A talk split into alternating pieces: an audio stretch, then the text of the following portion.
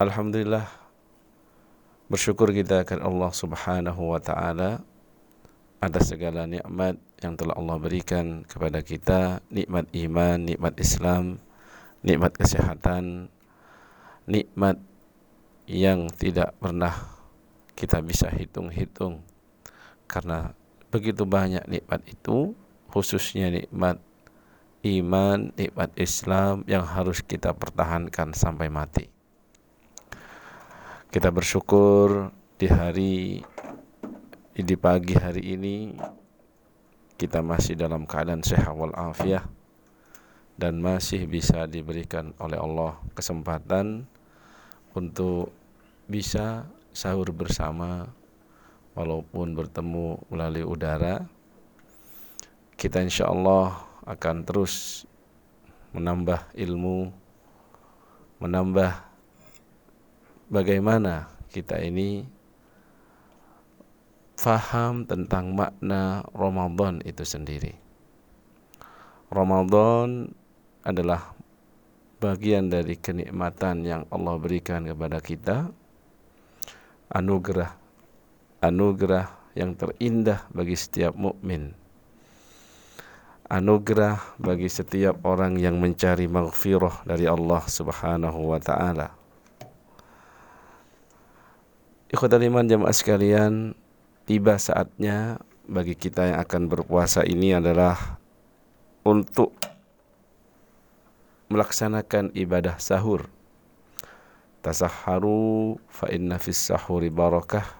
Ada perintah kita untuk bersahur agar kita ini mendapatkan keberkahan. Ramadan ini memang spesial. Jika Allah menciptakan makhluknya Allah ciptakan para malaikat ada di antara mereka yang spesial. Allah menciptakan manusia ada di antara mereka yang spesial. Para nabi, para rasul bahkan di antara para rasul pun ada juga yang Allah spesialkan. Dan itu maha besar Allah termasuk semua yang dia ciptakan. Ada yang diunggulkan ada yang diutamakan antara satu dan yang lain. Ini adalah kehendak Allah Subhanahu wa taala dan di antara bulan-bulan yang Allah ciptakan satu di antara yang utama yaitu bulan Ramadan. Ikhwatal iman jemaah sekalian, makna Ramadan bukan hanya masalah perut. Makna Ramadan bukan masalah kita ini menahan nafsu farji kita. Tetapi Ramadan mengajarkan lebih dari itu. Karena tujuan utama Ramadan sebagaimana firman Allah Subhanahu wa taala yang kitanya seorang muslim harus senantiasa mampu merenungkannya. Ya ayyuhalladzina amanu kutiba alaikumus siyam kama kutiba alal ladzina min qablikum la'allakum tattaqun. Wahai orang beriman diwajibkan terhadap kalian puasa Ramadan sebagaimana diwajibkan kepada orang-orang sebelum kalian la'allakum tattaqun agar kalian mampu bertakwa dan terus bertakwa kepada Allah Subhanahu wa taala. Maka berhusnudzonlah kepada Allah. Jangan sampai ada dalam hati kita kebencian. Jangan sampai ada dalam hati kita suudzon. Kenapa ya Allah engkau syariatkan puasa ini? Perut lapar, keroncongan. Tidak dikatakan di situ la'allakum taju'un agar kalian ini kelaparan. Tetapi la'allakum tattaqun, tapi permasalahannya makna Ramadan ini di mana? Bukankah Nabi sallallahu alaihi wasallam mengatakan seraya menunjukkan ke dalam dadanya at-taqwa hahuna bahwasannya takwa itu ada di sini yaitu di hati. Sedangkan tatkala kita ini berpuasa banyak mungkin anak-anak kita. Mungkin kita sendiri. Yang dipegang yang diraba bukan hatinya. Yang dipegang perutnya. Allah lapar. Yang dipegang tenggorokannya. Ya Allah hausnya luar biasa. Apalagi mereka yang berpuasa dalam keadaan bekerja di luar lapangan.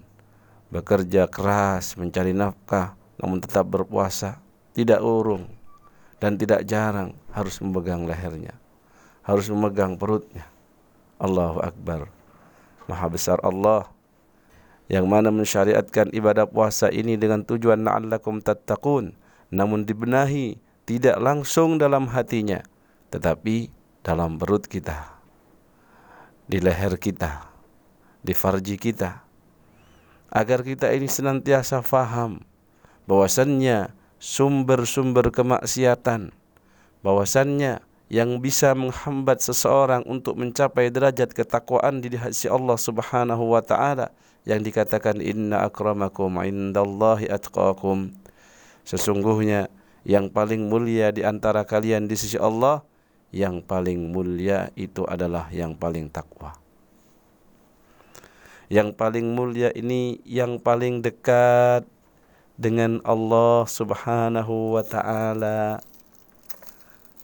yang paling takwa itu adalah yang paling bisa menjalankan perintah-perintahnya yang bisa menjauhi larangan-larangannya.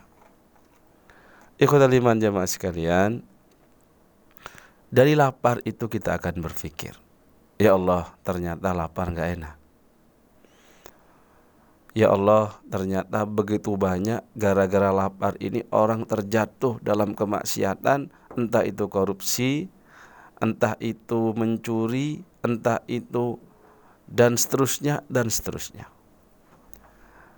Dari kemaluan itu betapa banyak kita bisa terjatuh dalam kemaksiatan yang bisa menjatuhkan posisi kita di sisi Allah Subhanahu wa taala.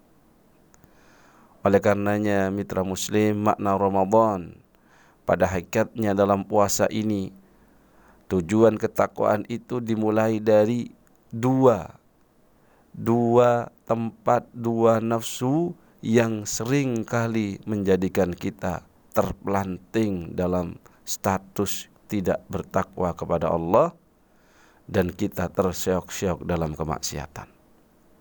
Nafsu perut, nafsu farji.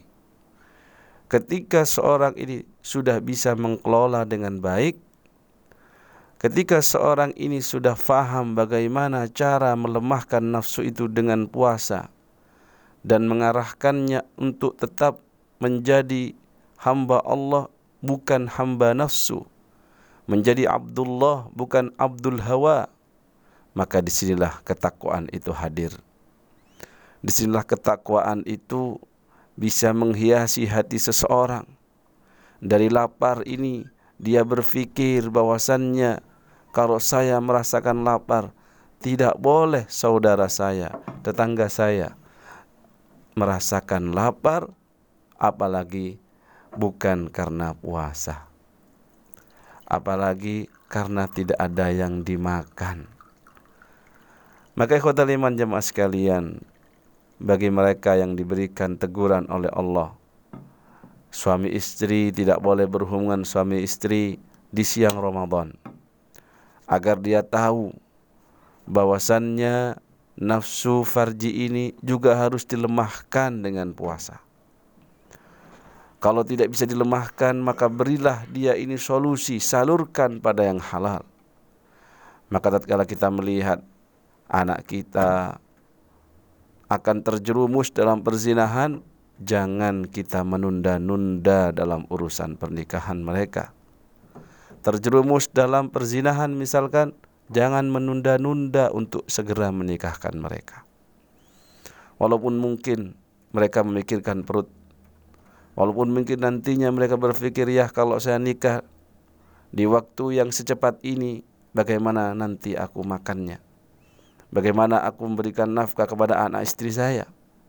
ayah yang soleh dan muslih di sini akan faham bahwasannya makna dari nafsu farji, nafsu perut itu harus bisa dikendalikan, harus bisa disalurkan dengan yang halal sehingga tidak mengganggu jalan seorang menuju ketakwaan kepada Allah Subhanahu wa taala.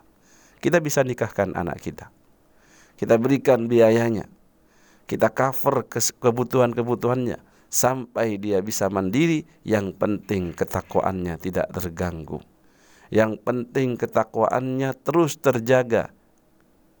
Ikhwatal iman jamaah sekalian, zaman akhir seperti ini siapa yang bisa menjamin?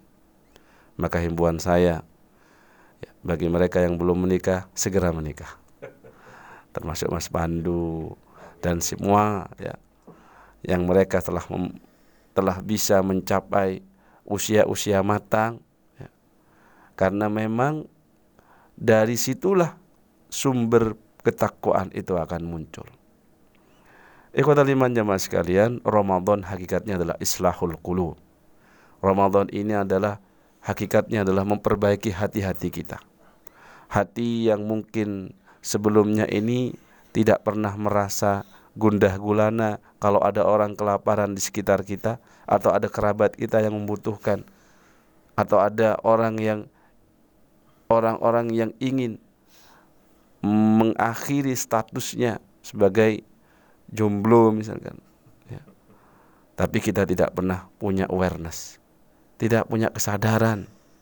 Bahkan ada orang tua itu yang melarang anaknya untuk tidak menikah sampai dia punya karir yang top. Padahal dia sudah pusing dia sudah memikirkan kenapa saya nggak boleh nikah Wong saya ini sudah matang, usia ini sudah luar biasa gitu. Maka kota liman, kesadaran inilah yang kita harapkan dengan Ramadan ini. Kesadaran bahwasannya tidak ada syariat Allah itu menyengsarakan kita. Termasuk Ramadan ini ya, ketika Allah membatasi makan minum kita, ya, membatasi hubungan kita, hubungan intim kita. Seharusnya inilah menjadi momen bagaimana kita merenung, bagaimana kita bertadabur. Bahwasannya ikhwatal iman jamaah sekalian, Ramadan mengajarkan islahul qulub, perbaikan hati, hati yang rokik, hati yang mudah merasakan, punya sensitif, ya, yang kuat. Ya. Ketika melihat saudara kita, maka sensitivitas itu ya, diharapkan bisa melahirkan ketakwaan. Maka hati-hatilah dengan puasa yang hanya fokus terhadap perut dan farja saja. Karena hakikat puasa ini adalah hati. Hakikat puasa ini adalah mata juga berpuasa dalam urusan kemaksiatan dan terus kita belajar untuk qaddul basar.